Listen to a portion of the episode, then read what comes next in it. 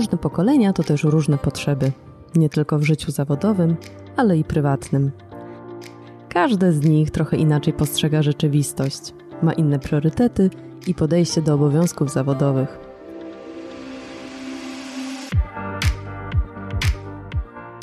Jak różnią się modele zarządzania młodszych i starszych pracowników? Jakie są ich mocne i słabe strony? Jak współpracować z młodszym szefem? Jakie są najczęstsze bariery komunikacyjne?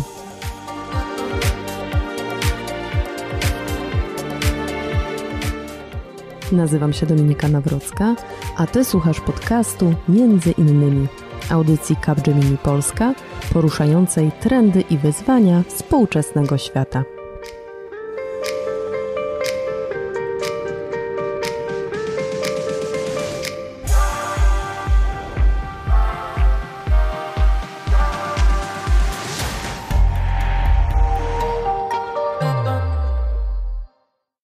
Gośćmi dzisiaj są Zyta Machnicka, CEO Lightness. Zyta, nie patrząc tobie w metrykę, chyba jednak bliżej ci do pokolenia Y. Oraz Janusz Wójcik, dyrektor Capgemini, reprezentant pokolenia X. Pierwsze naprawdę gorące dyskusje o pokoleniach na rynku pracy zaczęły się, kiedy milenialsi stali się grupą, która na ten rynek pracy wchodziła. Pamiętacie ten dyskurs? Pamiętacie, jakie argumenty mniej więcej wtedy trafiały? E, ja mam w ogóle mam takie wrażenie, że ta dyskusja trwa do dnia dzisiejszego i rozmawiamy o pokoleniach. E, I jak wy to widzicie? Zyta, może zaczniemy od twojego poglądu na pokolenia. Ja myślę, że mój e, e, pogląd na pokolenia jest dość specyficzny, przede wszystkim dlatego, że ja od pewnego czasu już w pokolenia nie wierzę. Pomimo tego, że jestem socjolożką, w związku z tym rozumiem, do czego są pokolenia, rozumiem, do czego są nam uogólnienia, e, na ile one nam pomagają na co dzień funkcjonować i rozumieć świat wokół nas. Natomiast ja, natomiast ja akurat uważam, że dużo sensowniejsze jest podejście do tego, na jakim etapie kariery mamy osoby, które są wokół nas. I uważam, że jeżeli popatrzymy na to, że mamy ludzi, którzy są na początku swojej drogi zawodowej, gdzieś tam w środku i pod koniec tej drogi, to zrozumiemy też, że po drodze zmieniają się takie rzeczy jak technologia, ekonomia, e, jakieś uwarunkowania społeczne, ale jeśli mamy osobę, która dochodzi do tego ostatniego etapu w swoim życiu karierowym, to ona zawsze była na początku, zawsze była w środku i właśnie jest pod koniec, więc te nasze doświadczenia będą wspólne, ale rozumiem, że to czasem to przypinanie łatek się przydaje, ale staram się unikać tego przypinania łatek, żeby widzieć w drugiej osobie człowieka, a nie pokolenie. Myślę, że bardzo trafnie to ujęłaś. E, ja wolę kategoryzować rzeczy i stąd bardziej mi pasuje określenie, że te pokolenia istnieją. Mhm. Szczerze mówiąc, jak patrzę na swoje doświadczenia i e, zerknę, jak zachowywałem się ja sam, to pewnie wiele analogii tutaj mógłbym e, z tego wyciągnąć i połączyć to z tym, co mówiłaś przed chwilą.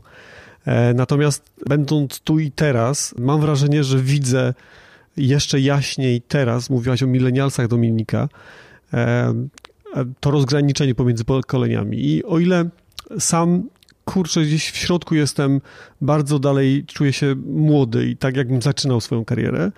Natomiast e, na zewnątrz się zmieniam i e, dobitnym, do tego dobitnym tego dowodem jest to, że e, dostałem określenie pan jakieś dwa miesiące temu, będąc na lunchu w kuchni ze swoją załogą. Po prostu pojawiła się nowa osoba.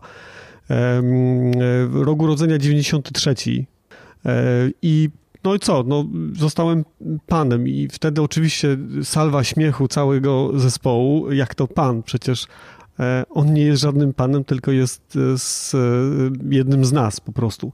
Natomiast to może taki śmieszny przykład, ale zupełnie poważnie, jeżeli chodzi o na przykład dyskusję o wykonywanych zadaniach, opis procesów, czy też dyskusję o no, takich zwykłych rzeczach, jak na przykład co robisz po, po pracy, no ewidentnie widać tą różnicę, że ktoś e, e, mając e, w metryce już, nie wiem, tam 80 który, czy 70 któryś roku urodzenia, poprzedniego wieku oczywiście, no co innego robi po, po pracy, a co innego robi ta osoba, która jest notabene młodsza. Ja wspominałam o milenialsach, ale obecnie na rynek pracy wchodzą osoby, które tak kategoryzujemy jako osoby z generacji Z. I interesuje mnie, jakie różnice widzicie, w szczególności jak chodzi o te młode, może nawet i najnowsze pokolenia. Ja chyba jednak dzielę to pokolenie na pokolenie X, Y i wszystko później. Więc y, czy to milenialsi, czy Z, y, mam nadzieję, że milenialsi ani Z się nie obrażą na mnie, jak mówię o tym w ten sposób. Natomiast to, to jest dla mnie bardzo podobna grupa. E, jeżeli chodzi o współpracę, dyskusje na różne tematy I, i, szczerze mówiąc nie mam tutaj takiego rozgraniczenia, że jeszcze w ciągu ostatnich 20 lat czy 25 lat jeszcze bym wydzielił jakieś dwa. To ja podążę za tym. To skoro um, rozróżniasz y, osoby na osoby do milenialsów i później, to mimo wszystko jak, jakie widzisz różnice między to, tymi dwoma grupami? Myślę, że podstawową cechą y, milenialsów i tego, co później, to jest to, że w pracy oprócz pracy liczy się jeszcze coś innego. Czyli do pracy przynoszę swój świat. E, pokolenie, przykro mi znowu, że używam słowa pokolenie, ale e, X i Y osobowości wydają się być bardziej skoncentrowane w pracy na pracy. Nie mówię, że może to być coś złego, nie chcę oceniać tego, natomiast e, na pewno widać to gołym okiem, że osoby no, teraz na, w każdym kroku pojawiają się ze smartfonem w prawym czy do, górnym, czy dolnym rogu ekranu widać okienko YouTube czy Spotify, tam gdzie to się da i coś leci w tle oprócz pracy, podczas gdy, no szczerze mówiąc, rzadko się zdarza, żeby ktoś z pokolenia X koncentrował się w pracy na czymś innym niż praca. Ma to jakby dwie, dwa wymiary. Pierwszy wymiar to, to właśnie ten wymiar, że osoby, z pokolenia X i Y wydaje mi się, że bardziej i większą uwagę przywiązują do kontaktów e, wprost. To jest taka, wydaje mi się, że cecha, którą dobitnie widać na piętrach naszych, podczas gdy osoby jednak młodsze więcej używają social mediów do tego, żeby między sobą porozmawiać. Cyta, y, spotykasz się z pracodawcami, y, z osobami na różnych etapach swojego rozwoju, swojej kariery zawodowej, a także z osobami, które dopiero zaczynają. Widzisz różnicę między nimi? Widzę różnicę. Niekoniecznie nazwę to różnicami pokoleniowymi, ale na pewno widzę różnicę e, często też w podejściu do mnie, bo im, im starsze są osoby, e, to, to, to, to, myślę, że pani Zyto, e, pani Zyto zdarza się oczywiście coraz częściej, natomiast dla mnie akurat ciekawym doświadczeniem jest to, że czasem, gdy współpracuję z zarządami, właśnie z kadrą zarządzającą, czy mam warsztaty, konsultacje i tak dalej, pojawiam się ja i mam czasem wrażenie takie, że e, ekipa, która jest naprzeciwko mnie, może mnie postrzegać na zasadzie, o, weszła sobie dziewczynka, która tutaj nas pobawi, może nam zada jakieś pytania, ale na, na, na, na, początku mogę nie być e, traktowana zbyt poważnie. To się oczywiście zmienia, co mnie również bardzo cieszy, ale to też jest, e, myślę, bezpośrednio związane z tym, że gdy się stosunkowo wcześniej zaczęło pracować e, i miało się właśnie sporo doświadczeń z różnymi grupami wiekowymi, to te rozmowy i z najmłodszymi, i z, i z najstarszymi nie są wcale kłopotem, a są przyjemnością. Ja myślę, że w tym wszystkim bardzo ważne jest to, że żeby pamiętać o tym, że gdy mamy po drugiej stronie człowieka, to ten człowiek zawsze ma różną osobowość niż ta, niż osobę, którą mamy obok niego.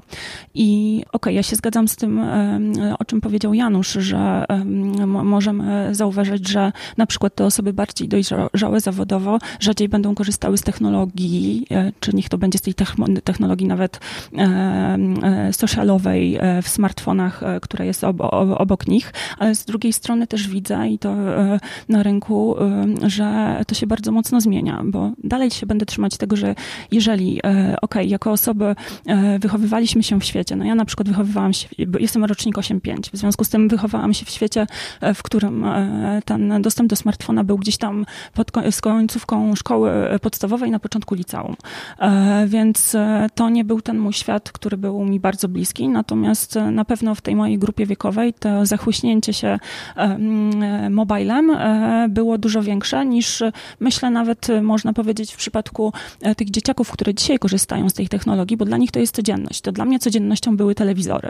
Natomiast jak popatrzę na przykład na swoich rodziców, czy na, na osoby w podobnym wieku, to mam wrażenie, że właśnie one znowuż weszły w świat, w którym zachłysnęły się tą technologią związaną z telewizją. W związku z tym um, um, uważam, że te aspekty będą wpływały na to, w jaki sposób my będziemy funkcjonować, ale e, gdy będziemy pamiętać o tym, że no właśnie, mam człowieka ze swoimi doświadczeniami na różnym etapie w swoim życiu, e, że e, dobrze widzieć w nim e, to, co ma do zaoferowania i dobrze też szukać tego kontekstu, nie dzielić, ale starać się zrozumieć, bo te też jeszcze to z, mo z moich doświadczeń zawodowych, też chociażby przy, przy pisaniu książki Lepszy Pracodawca, to gdy zbierałam sobie swoje doświadczenia z ponad 200 projektów, które realizowałam na przestrzeni ostatnich kilkunastu lat, to właśnie miałam w, w, wniosek taki, że my naprawdę jesteśmy w stanie mówić jednym głosem, ale tym, czego potrzebujemy, to jest docenienie, niezależnie od tego, czy jestem tym X-em, Y-em, Z-em, czy kimkolwiek innym, i zrozumienie, zrozumienie mojej perspektywy. Uważam, że uderzasz w punkt. Zyta, to co powiedziałaś o docenieniu, to myślę, że to jest kwintesencja uniwersalna. Znaczy kwintesencja menedżera i skutecznego menedżera i to jest uniwersalne podejście. Mało się cytuje w różnych e, szablonach zarządzania Warrena Buffetta. No pewnie słyszeliście o kim jest Warren Buffett. E, nie wiem, czy wiecie, jaką książkę e, lubi i uważa za przewodnik swój Warren Buffett. To jest książka, która mm, dotyczy tego, jak to nauczyć się tego, żeby cię ludzie lubili. Chodzi o to, żeby. No i, no i czym on, co on robi na co dzień? Na, na co dzień stara się doceniać tych ludzi, z którymi współpracuje, e, po to, żeby osiągać te swoje cele. Wiadomo, dzień co, na co dzień wygląda różnie, natomiast nie, nie, możemy o tym zapominać, żeby po prostu e, nasze forum, z którym współpracujemy, naprawdę mocno doceniać to, co, co osiągają i faktycznie, czy to jest osoba, e, która jest blisko wieku emerytalnego, czy też dopiero na początku swojej drogi zawodowej, na pewno będzie oczekiwała tego, żeby no, zostać do, docenioną za coś. O tym nigdy nie powinniśmy zapomnieć problemem czasami e, staje się to, że e, ponad cele ludzkie e, wychodzą cele i ambicje organizacji. Zaczęłaś od tego, że mm, mogłaś się spotkać z takimi przypadkami, gdzie ktoś tam właśnie w duchu albo wręcz wprost mówi taka młoda, co ona może wiedzieć o tym, co my robimy, jak nie będzie mnie uczyć jest to notoryczne, bym powiedział. To jest notoryczne w sytuacji, gdy e, pojawia się młodszy kierownik niż, e, e, niż, niż ktoś na piętrze po prostu, kto, czyli zarządza młodszy starszym trudny temat. Trudny temat, a ja bym tylko jeszcze chciała powiedzieć tyle, że mam w ogóle takie wrażenie, że właśnie im jesteśmy starsi, e, tym e, sami zaczynamy też częściej w taki sposób patrzeć na innych, bo e, druga rzecz, która mnie bawi, to jest czasem moje nastawienie, bo ja zdaję sobie sprawę z tego, że mogę, mogę czy mogłam być na różny sposób postrzegana, ale mam większe doświadczenie zawodowe, im dłużej jestem na rynku i gdy widzę te osoby, które wchodzą na ten rynek i mogę mieć czasem myśl, one się wymądrzają, co one wiedzą, nie? że one nie wiedzą tyle, ile ja, no ale właśnie nieprawda, nie? Że, że, że to jest kwestia e, uczenia się e, e, tego zrozumienia drugiej strony i też myślę wiary w to, że e, inni, inne osoby wcale nie są mniej mądre niż my. To zjawisko nazywa się Unconscious Bias i też będziemy mieć podcast e, w tym temacie, także tu naszych słuchaczy możemy zachęcać do śledzenia podcastów. W Capgemini mamy ludzi, którzy mają zarówno 20, jak i 60 lat. I idąc tropem docenienia kwestii uniwersalnej, kwe, też kwestii komunikacji, może pytanie do ciebie, Janusz. Czy widzisz różnicę, w, jak komunikować się z tak niejednorodną grupą i też jak doceniać tak niejedną grupę? Nie ukrywam, że mam doświadczenie e, właśnie w takiej sytuacji. E, zacznę od końca, czyli od emerytury, bo miałem okazję mieć w zespole człowieka, który przeszedł jako pierwszy w naszej organizacji na emeryturę. To nie znaczy, że przepracował u nas 40, 40 parę lat. Nie, nie, nie, nie, nie. Tak się życie ułożyło, że trafił do nas e, pod koniec swojej kariery e, zawodowej na ostatnich kilka lat. W jego przypadku naturalnym było to, że będzie miał młodszego przełożonego, e, motywowanie takiej osoby no, może spotkać, znaczy może być ogromną trudnością dla e, osoby, która właśnie sprawuje funkcje kierownicze. Ale co się wydarzyło? No, komunikacja do tej osoby nie musiała być tak precyzyjna i to Celowo używam słowa precyzyjna, bo wystarczyło ogólne zarysowanie e, tego, co należy wykonać, co należy zrobić, e, bez koniecznego wdawania się w szczegóły, po co to robimy nawet. I ta osoba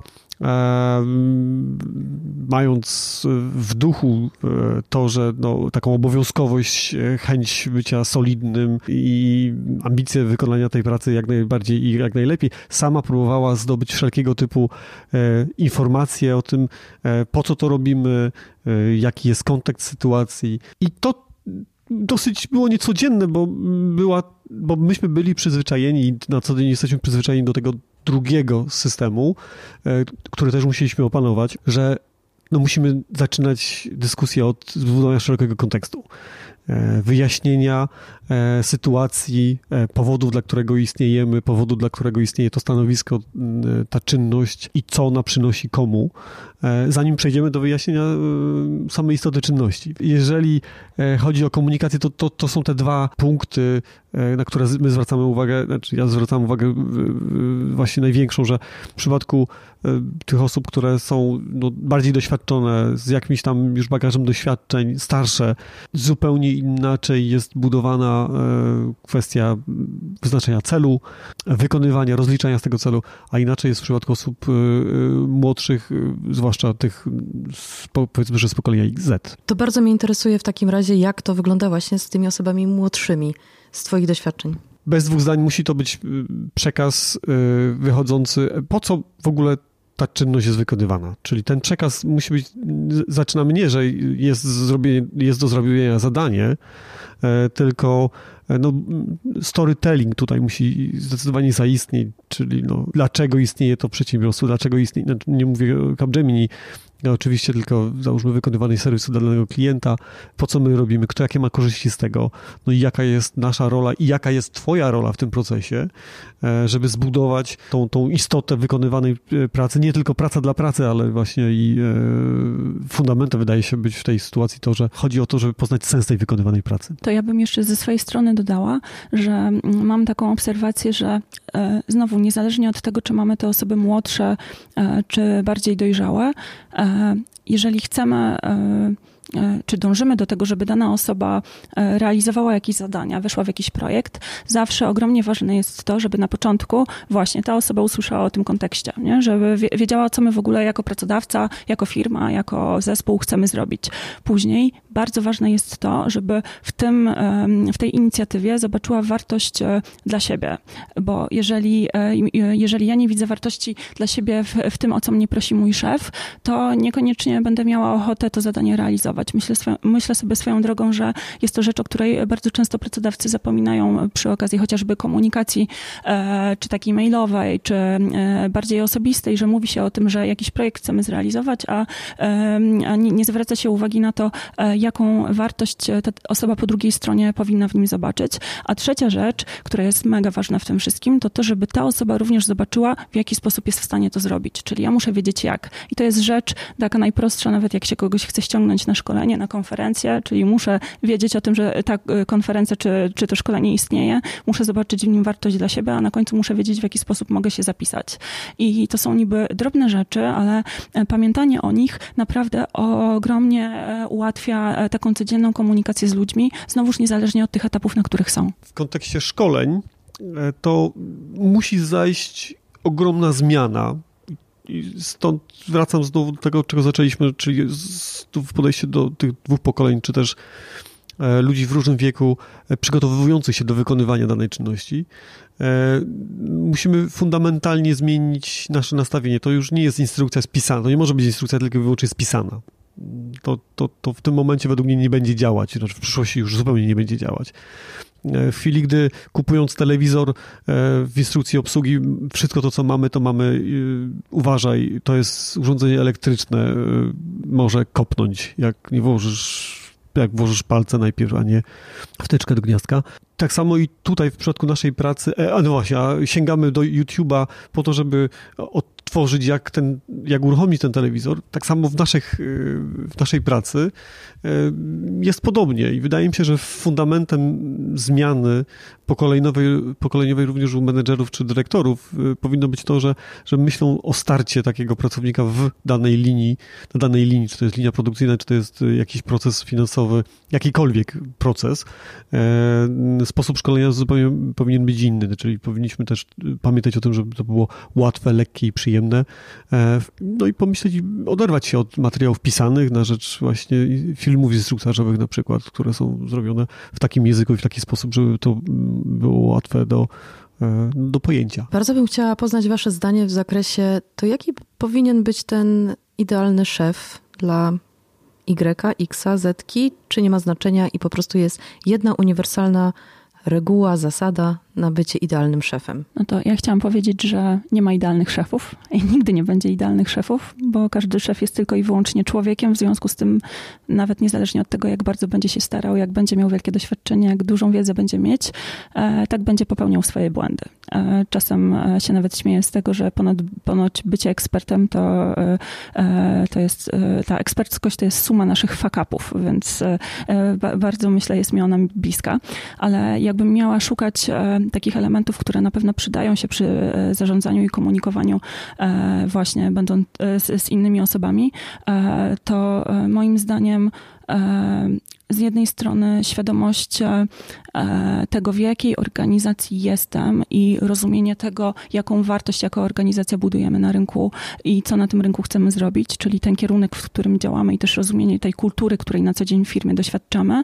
Z drugiej strony rozumienie swoich słabych e, i mocnych stron, e, bo jeżeli wiem, z czym będę miała problem jako szef, to mogę też wiedzieć, gdzie szukać pomocy i nie bać się właśnie też powiedzieć, że czasem czegoś nie wiem, co myślę z punktu widzenia współpracy z różnymi e, osobami ma bardzo duże znaczenie i pamiętanie o tym, że po tej drugiej stronie mam człowieka, którego, który ma do odegrania w tej układance jakąś konkretną rolę. E, I myślę, że w tym wszystkim ważne będzie to, żeby móc możliwie e, często szukać okazji do tego, żeby rozmawiać, udzielać konstruktywnego feedbacku, nie uciekać od, od, od rozmów o trudnych sytuacjach również i, i być w tym wszystkim sobą, mniej grać, bo też mam taką obserwację, że zbyt wielu pracodawców czy zbyt wielu szefów próbuje się tak komunikacyjnie dopakować, zamiast E, być sobą, bo e, też mam takie doświadczenie z rynku, że pracownicy i kandydaci poszukujący pracy przede wszystkim oczekują normalności, oczekują takiego partnerskiego, sensownego podejścia do nich, jako do osób, z którymi ma się pracować, oczekują zrozumienia, e, systematycznej informacji. I myślę, że jeżeli mamy osobę, która zwraca uwagę na takie elementy, to nawet jeżeli będzie popełniać błędy, to będzie miała dużo większą szansę, że odniesie sukces w tych zadaniach wspólnych, które będą przed nią i przed jej zespołem. Janusz, jesteś e, menadżerem, zarządzasz dużymi zespołami. A jaka jest Twoja idea na bycie menadżerem? Jaki Ty masz przepis na siebie? Miałem nadzieję, zanim tutaj dzisiaj przyszedłem, że e, z czymś, znaczy będzie coś, e, z czym się pospieram mocno tutaj z Zytą e, i, i pożremy się po prostu. Czekaj, może jeszcze podrążymy, zobaczymy zaraz, no. Zobaczymy, dokładnie tak. Natomiast tutaj no, kiwałem głową, że no, no, zgadzam się w wielu miejscach z tym, co, co, co mówiłaś, bo chyba mój przepis to nie udawanie niczego. Tam, jak jestem zły, czy jak jest mi smutno, to po prostu jest mi smutno. Y, moi współpracownicy, czy ludzie, którzy dla mnie pracowali przez te wszystkie lata, no, widzieli, jak byłem na coś. W, znaczy, rzadko jestem zdenerwowany, to może nie zły przykład, ale jak było mi smutno z jakiegoś powodu, to widzieli, że jest mi smutno ale nigdy nie próbowałem powiedzieć, nie, nie, nie, nie, nie, wszystko jest y, super. Y, no, jest mi smutno. Y, także autentyczność na pewno to jest pewnie numer jeden, ale chciałbym wrócić na dosłownie dwa zdania do tego poprzedniego tematu, czy istnieje idealny szef. Ja myślę, że wielu szefów stawia sobie za cel bycie idealnym szefem. I to jest ich pierwszy błąd. To jest pierwszy fuck up, który zrobią. E, bo warsztatowo mogą przejść milion szkoleń i, learning, i learningów i nauczyć się wszystkich wspaniałych rzeczy. Natomiast no, to my jesteśmy nieprzewidywalni jako ludzie. Y, trudno jest nas odczytać y, w każdą ze stron i, i warsztatowo może być super, ale może to być nie, nie, nie w 100% adekwatne do sytuacji, w której będziemy. Także uważam, że dążenie do tego, żeby być super szefem, wydaje mi się, że jest stratą czasu. Lepiej skoncentrować się na, na tym, po co tutaj jesteśmy. No i wydaje mi się, że pierwszą rzeczą, która może nas zbliżyć do tego, e, żeby popracować nad tym, żeby być dobrym szefem, to jest zrozumienie, e, po co jesteśmy w tej organizacji. Jeżeli organizacja nie jest w stanie nam powiedzieć, po co jesteśmy, znaczy, czy tam pomóc w odpowiedzi na to pytanie, no to problem ma organizacja i nie wiem, czy człowieku powinieneś pracować dla tej organizacji po prostu, bo, bo jak możesz być prawdziwym szefem dla swoich ludzi i oni być prawdziwymi twoimi pracownikami i y, graczami dla, no właśnie tej samej drużynie, jeżeli ty sam nie potrafisz zrozumieć, po co istniejesz. To, to, o czym powiedział Janusz, e, jest mi bardzo bliskie i e, myślę sobie, że e, w ogóle y, zapominamy o tym bardzo często, jak wiele na rynku pracy mamy osób, nie tylko pracowników, ale szefów, którzy nie powinni być w organizacjach, w których są obecnie. Jak, du- zgoda. jak dużo jest, e, e, cieszę się, jak dużo jest e, osób, które wychodzą z siebie, żeby zrobić coś dla swojej firmy czy dla swojego zespołu, a nie mają tej spójności na poziomie wartości, na poziomie kierunku działania, na poziomie sposobu działania. Ja się będę trzymać tego, że dopóki wierzysz, że w swoich ludzi i w miejsce, w którym jesteś, to walcz. Jeżeli nie wierzysz, to zastanów się nad zmianą, albo też spójrz na to, jakie osoby masz wokół siebie, bo też mam e, szczególnie ostatnio taki wniosek przy współpracy przy, z pracodawcami przy różnych projektach, że my czasem wychodzimy z siebie e, po to, żeby właśnie innych angażować. Tyle rozmawiamy dzisiaj na rynku na temat szczęścia w pracy, na temat poczucia sensu w pracy. To wszystko jest ważne, ale e, istotne bardzo jest to, czy człowiek, dla którego to robimy, na pewno powinien być w tej organizacji. Czy to nie jest tak, że ty starasz się za wszelką cenę przekonać kogoś do siebie, kogoś, kto nie jest przekonany, bo to mu się nie spina na przykład na poziomie wartości. No i to też myślę, że gdy rozmawiamy o, mm, o tych szefach, którzy starają się być idealni, to że mm, to wszystko też wymaga odwagi, że by, bycie szefem wymaga odwagi w tym, żeby czasem powiedzieć nie, czasem, żeby przyjąć na klatę też krytykę ze strony pracownika, przyjąć na przykład na klatę jego odejście, jeżeli na przykład chciałoby się z taką osobą współpracować e, i też przyjąć na klatę e, te inne momenty, w których niekoniecznie jest tak, jakbyśmy chcieli, bo jesteśmy tylko ludźmi po prostu. Co nie zmienia oczywiście faktu, że staranie się o to, żeby ta wspólna robota e, dawała nam poczucie satysfakcji i generowała fajne efekty i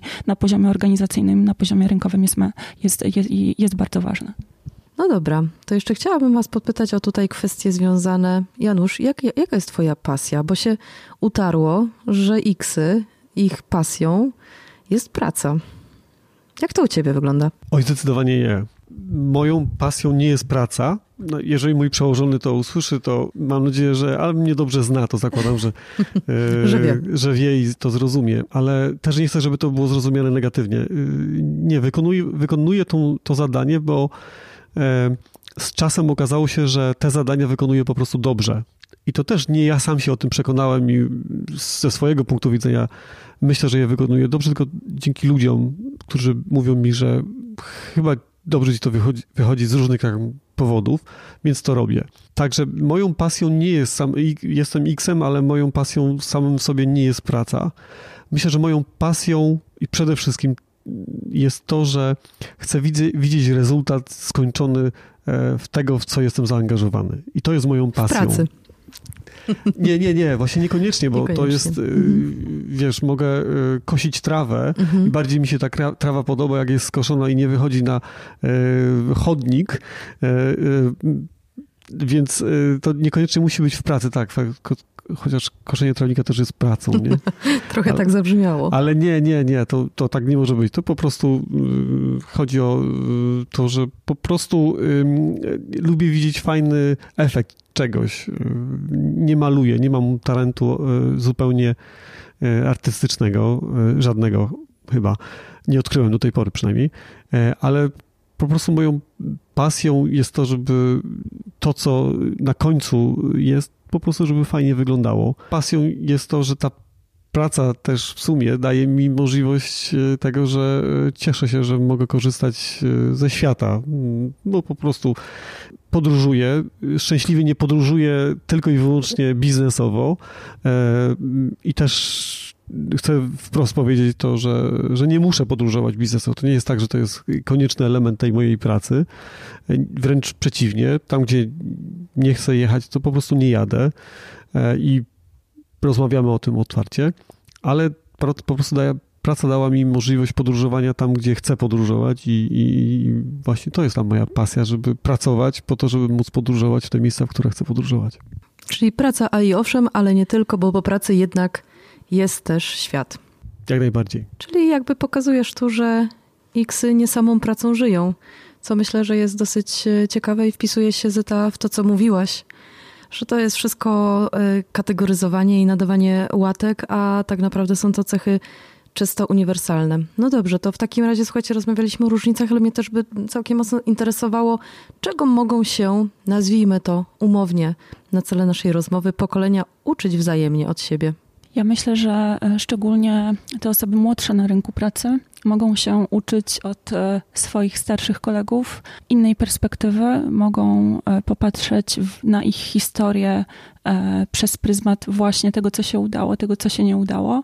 Ja myślę, że okej, okay, gdy jesteśmy na początku naszej drogi, to tak się patrzymy na te wszystkie historie sukcesu i sobie myślimy, no dobra, tam ci myśl, myślą sobie, że pozjadali wszystkie rozumy, ja to zrobię inaczej, ja tych błędów nie będę popełniać, ale um, myślę, że um, to spojrzenie na faktycznie historię tego człowieka, że to, czego ja się będę w stanie od niego nauczyć, to będzie zależało bardzo mocno od tego, jaka ta historia jest, co on za sobą ma czego on doświadczył, gdzie on pracował, jak żył, mhm. w czym brał udział, co go jawiło, czego nienawidził, czego żałuje, czy rzeczywiście czegoś żałuje. Więc e, takie spojrzenie na e, na życie, to trochę brzmi patetycznie, ale e, mm, z dystansem, z, z, taką trochę szerszą perspektywą. I myślę, że też bardzo często mm, takie poczucie, że faktycznie nie jesteśmy idealni i że taka pokora niejako do tego życia, do mhm. tych dość, dotychczasowych doświadczeń, że e, taka perspektywa myślę, że jest bardzo cenna, a z drugiej strony, gdy mamy osobę, która, no właśnie, czego człowiek, na przykład ten, który się zbliża do, do swojej e, emerytury, czego on się może uczyć od tych, e, od tych młodszych, na pewno myślę, że doświadczać technologii, nawet patrzeć na to, jakie, z, z, z, z jakich narzędzi korzystają, z jakich apek korzystają jego młodsi koledzy, w jaki sposób spędzają e, swój czas, jakiej muzyki słuchają, e, że to są e, elementy takie mocno otwierające rzeczywiście na świat. Więc takie trochę świeże podejście, bardzo często buntownicze, bardzo często bezkompromisyjne, to o czym im jesteśmy dojrzalsi na tym rynku, zapominamy częściej, albo to, czego się trochę bardziej boimy, mhm. gdy już wiemy, co mamy za sobą. Janusz, obserwujesz w Capgemini um no właśnie tą naukę międzypokoleniową? Nigdy na to nie zwracałem uwagi, muszę szczerze powiedzieć. Natomiast znów wracając do tego mojego doświadczenia z, z panem, który przyszedł na emeryturę, to szczerze mówiąc został ślad przez wiele miesięcy po tej innej atmosferze, którą wprowadzał. I chciałem teraz powiedzieć o tej atmosferze w kontekście, czego powinny się te pokolenia od siebie uczyć. Czy się uczą? To pewnie powiem tak, uczą się, na, il, na jak długo ta nauka pozostaje, to jest jeszcze inny temat. Natomiast e, to, że się e, właśnie czego się powinny uczyć, to młodsze pokolenia powinny się uczyć przynajmniej trzech rzeczy. Po pierwsze, pokory. Mówię o tym wprost. Od tych starszych pokoleń. Druga rzecz, kultury osobistej. Może to oczywista oczywistość, ale nic bardziej mylnego. I trzecia rzecz, która mi przychodzi do głowy, to jest dobrego nastawienia każdego dnia. E, to są takie trzy rzeczy, które mam, mam w głowie. Starsze pokolenia myślę, że przede wszystkim powinny sobie przypominać, raczej niż uczyć się.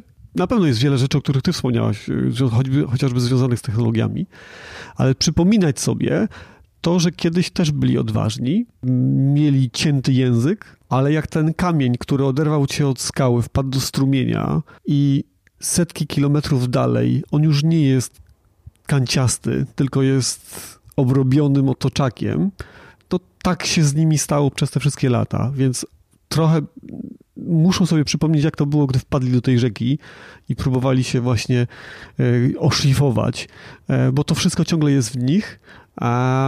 I myślę, że to jest taki morał chyba i to, co widzę na co dzień, to chyba to są takie rzeczy, które przychodzą mi do głowy. Mhm, dziękuję. Zeta, dodałabyś coś do tych top 3 Janusza? Ja bym się nie zgodziła.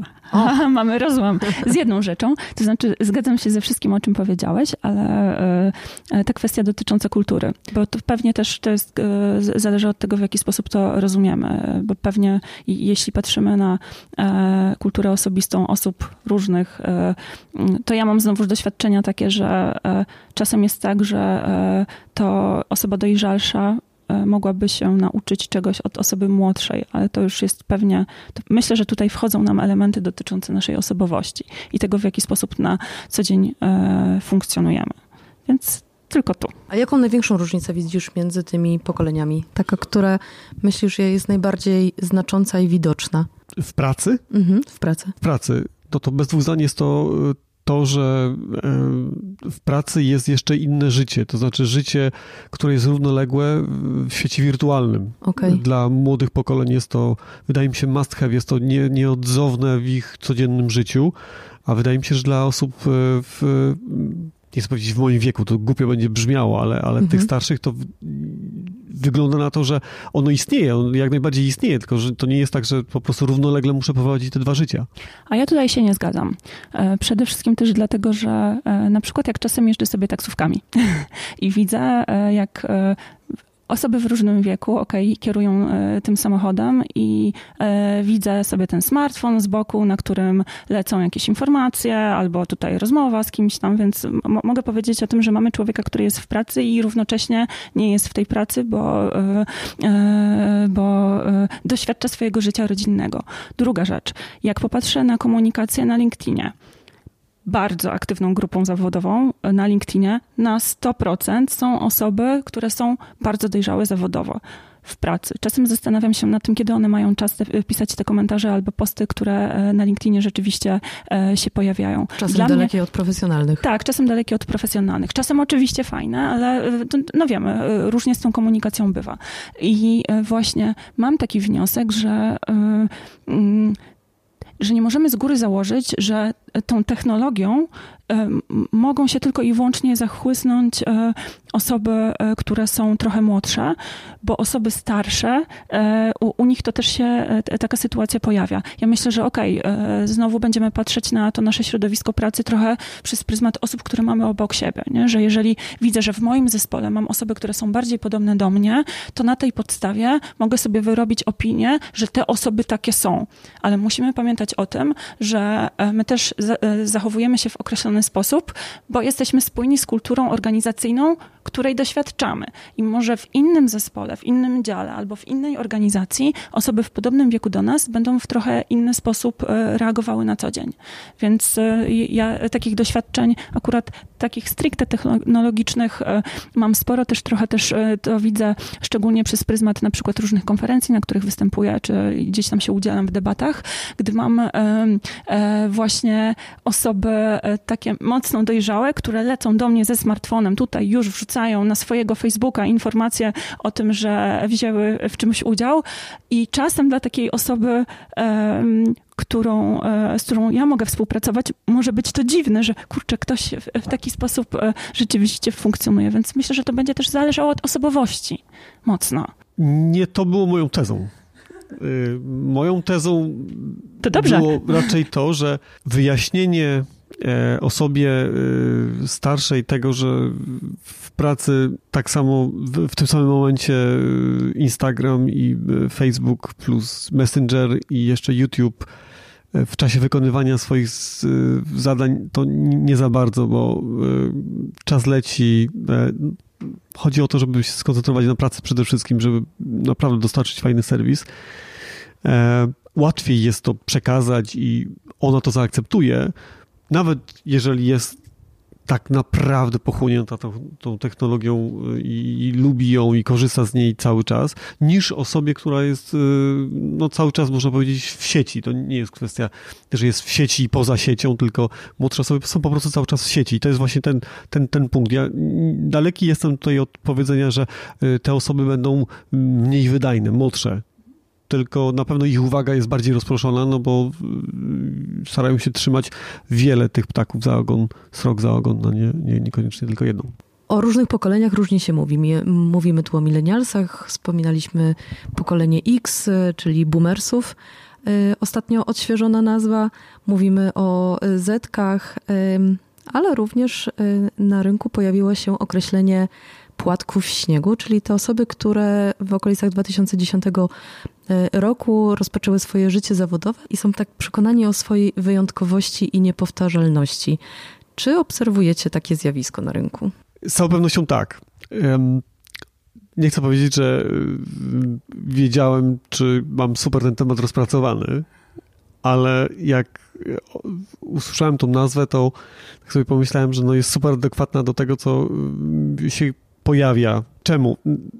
Faktycznie zdarzają się takie osoby, które mm, y, to jakby na wstępie zaznaczają to, że no może im być ciężko, może im być źle, może im być trudno i one właściwie te 8 godzin jeszcze przy kąpie w jednym miejscu, no to może być naprawdę trudna sytuacja. I, i wtedy zadaję sobie pytanie, czy kiedykolwiek ktokolwiek wspomniał o tym, że istnieje coś ponad tym, że się, nie wiem, y, czyta, ogląda film, idzie na imprezę z kolegami, z koleżankami, Czyli, czy, że istnieje praca? Ja myślę, e, jak, jak słyszę e, właśnie o tej grupie, że e, tak naprawdę w większości będą to osoby, które mają osobowość narcystyczną, prawdopodobnie.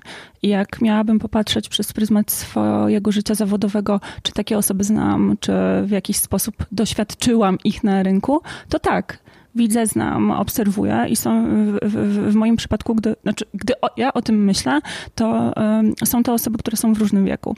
Jeśli jesteś przekonana o tym, jak bardzo jesteś świetny w tym, co robisz, ale że nie, nie, nie widzisz tej prawdy na swój temat, e, masz e, e, przekonanie, że e, inni są niejako na e, twoje e, zawołanie e, i świat musi być dostosowany do Twoich potrzeb, e, to prawdopodobnie może być ci trochę ciężko na tym rynku, ale z drugiej strony uważam, że takie osoby e, być może powinny e, pracować na stanowiskach mocno specjalistycznych albo rozwijać swoje własne działania. Przede wszystkim dlatego, że będą miały to wewnętrzne parcie na osiągnięcie kariery zawodowej, która będzie w odpowiedni sposób ułożona, do nich dostosowana. Jak sobie o tym wszystkim myślę, to ja widzę po prostu na rynku ludzi, którzy są na różnych etapach karierowych i mają różną osobowość. I w zależności od tego, do czego masz swoje wewnętrzne predyspozycje, to w, w innych miejscach powinieneś szukać drogi dla siebie. Jak sobie myślę o tym, czy te snowflake'i e, pojawią się, że jeżeli e, osoba z, z, z takimi e, oczekiwaniami i też z, z, taką sobą e, pojawi się w organizacji, która jest bardzo ułożona, bardzo usystematyzowana, to prawdopodobnie to nie będzie miejsce dla niej, bo będzie poszukiwała e, miejsca zupełnie, znaczy, bo powinna się znaleźć w miejscu zupełnie innym. Dobra, to pytanie Zyta do ciebie. E, za czasów moich rodziców spracowało się e, w jednym miejscu, tak w zasadzie przez całe życie. Obecnie e, młode pokolenia tak to nazwijmy, zmieniają pracę dosyć często, czyli czy można zatem powiedzieć, że to jednak jest pokoleniowe, czy ewentualnie to nie jest pokoleniowe, ale coś innego tutaj gra rolę główną? Myślę, że e, tutaj rolę główną znowu y, gra to, na ile ty szybko jako człowiek znajdziesz miejsce, które, w którym będziesz się dobrze czuć i y, które będzie spójne właśnie z Twoimi wartościami, z tym, w jaki sposób funkcjonujesz, na ile szybko będziesz świadoma, świadomy tego, co masz do zaoferowania i w jakiej organizacji powinieneś rzeczywiście się znaleźć. Bo ja też w ostatnich latach słyszałam na przykład, że Y to są e, osoby, które bardzo często zmieniają pracę. Ja jestem Y, jestem tym rocznikiem 8-5, mam wokół siebie osoby, które są, między innymi też osoby, które są w moim wieku i mam dużo osób, które są w organizacjach, w których e, na przykład są przez 10 lat. Przecież mój partner Grzegorz pracuje w tym samym miejscu od 10 lat, pomimo tego, że pracuje w branży growej, e, nagrywa filmy na YouTubie i tak dalej, i jak się patrzę na przykład nawet na jego historię, to widzę, że znalazł organizację, w której był w stanie przejść ścieżkę, która niejako była dostosowywana do niego, ucząc się tego, e, w czym może być najlepszy. Jeżeli natrafimy na taką organizację, na takie miejsce dla nas, to e, uważam, że wtedy jest dużo większa szansa, że rzeczywiście, że my w nim, że my w tej firmie będziemy rzeczywiście dłużej. Ale bardzo ważne też jest to, kto nami zarządza, na ile też ta kultura będzie się zmieniać. Ona przecież zawsze się zmienia na przestrzeni lat, szczególnie jeżeli zmieniają się osoby, które, które właśnie tą organizacją zarządzają. Więc stawiam, że okej, okay, w przypadku na przykład naszych rodziców, jeszcze było tak, że było nie do pomyślenia, że ok, ktoś będzie po rynku latał i będzie ciągle zmieniał, bo y, też mniej mówiło się na temat e, tego, jak ważne są też nasze potrzeby, nasze ludzkie potrzeby, jak ważny jest człowiek w miejscu pracy, że nie jesteś tylko i wyłącznie po to, żeby y, realizować zadania, które ma organizacja, ale w tym wszystkim jesteś też ty. Y, a im bardziej zmienia się rynek, im więcej też mówimy o tym też nastawieniu na ja, przecież też w świecie smartfonowym, Dokładnie. zdjęciowym, nie? Le, lecimy sobie na co dzień. E, nawet dzisiaj przecież nagrywamy ten podcast i pokazujemy kulisy, e, więc e, gdzieś tam zwracamy uwagę na to, że w tym wszystkim jest konkretny człowiek. I myślę, że tych zmian w przypadku danej osoby będzie więcej, jeśli, jeśli będzie miała takie doświadczenie, że nie, niezbyt szybko natrafi na tę organizację dla siebie, a z drugiej strony też jest ważne to, czy to będzie osoba, która jest mocniej nastawiona na przykład na pracę projektową, bo dzisiaj, jeżeli pracujesz projektowo, to jest jest oczywiste, że będziesz zaangażowany, zaangażowany w bardzo różne tematy i one będą się zmieniały. Myślę, że nie jest to pokoleniowe, to znaczy to zmienienie pracy. Jak wchodziłem na rynek zawodowy, to mocno się interesowałem rynkiem pracy, yy, dlatego że tej pracy na rynku zawodowym nie było. Po prostu. E, więc zastanawiałem się, jak e, na świecie wygląda w tych dużych gospodarkach, jak rynek pracy wygląda e, w dużych gospodarkach i w tym bardzo liberalnym rynku pracy w Stanach Zjednoczonych generalnie pracowało się 4-5 lat maksymalnie w jednej firmie. Więc uważam, że oczywiście to wszystko mocno przyspieszyło, pewnie średnia w, obecnie jest mniej niż 5 lat w jednej firmie, ale, ale co do zasady myślę, że to się to zależy od rynku pracy, sytuacji ekonomicznej i tak dalej. Muszę przyznać, że ja pracując tutaj 17 lat, e, zmieniłem pracę 4 albo 5 razy. Jestem, mam tą samą, ten sam stosunek pracy z tą samą firmą, natomiast to jest moje piąte duże zajęcie. Nie mówię o mniejszych, tylko ja tak naprawdę zmieniłem pracę pięć razy w, w ciągu tych 17 lat. Także jeżeli ktoś na siłę szuka dziury w całym, no to faktycznie powie, że ta organizacja nie zapewnia mu żadnego tam, nie wiem, rozwoju i wzrostu i tak dalej, i tak dalej. Pewnie przede wszystkim dlatego, że jest niepokorny i właśnie nie ma tej właśnie trochę powściągliwości. Mówi, że no po prostu wyznacza sobie cel, że w ciągu 12 miesięcy od zatrudnienia muszę być awansowany dwa razy. No technicznie da się to zrobić, wystarczy tak ułożyć, e, nie wiem, system wynagradzania czy e, strukturę, że co trzy miesiące będziemy dawać awanse i na papierze to wszystko będzie miało sens, tylko chodzi o kompetencje pewnego typu. Według mnie, e, nawet będąc w jednej organizacji, można zmienić wielokrotnie profesję i zajęcie szczerze mówiąc, zwłaszcza, że w obecnym czasie mamy na tyle dużo różnych możliwości do, do zrobienia tego, do osiągnięcia tego, że tylko i wyłącznie chyba nasze samozaparcie i, i chęć, po prostu najnormalniej w świecie chęć jest przeszkodą, no bo myśl starego powiedzenia, że to chęć szczera zrobić z nas oficer, oficera, nie ten mundur, więc po prostu wystarczy to podążać w tą stronę. Zeta, to jak organizacja może sobie poradzić e, z przedstawicielami płatków, tudzież innymi podobnego pokroju?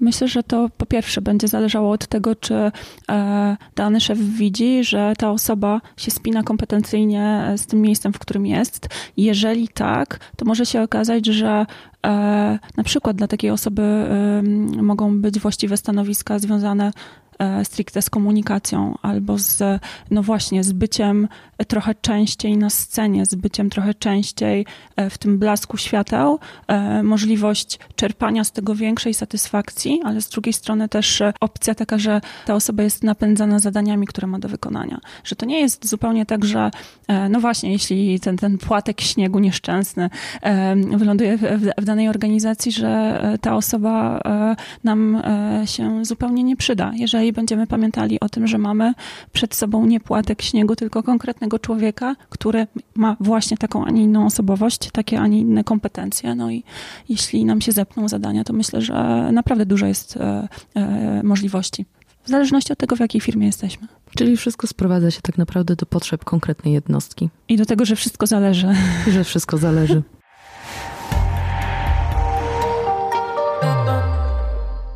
Podcast Capgemini Polska we współpracy z Earborn Media. Earborn Media.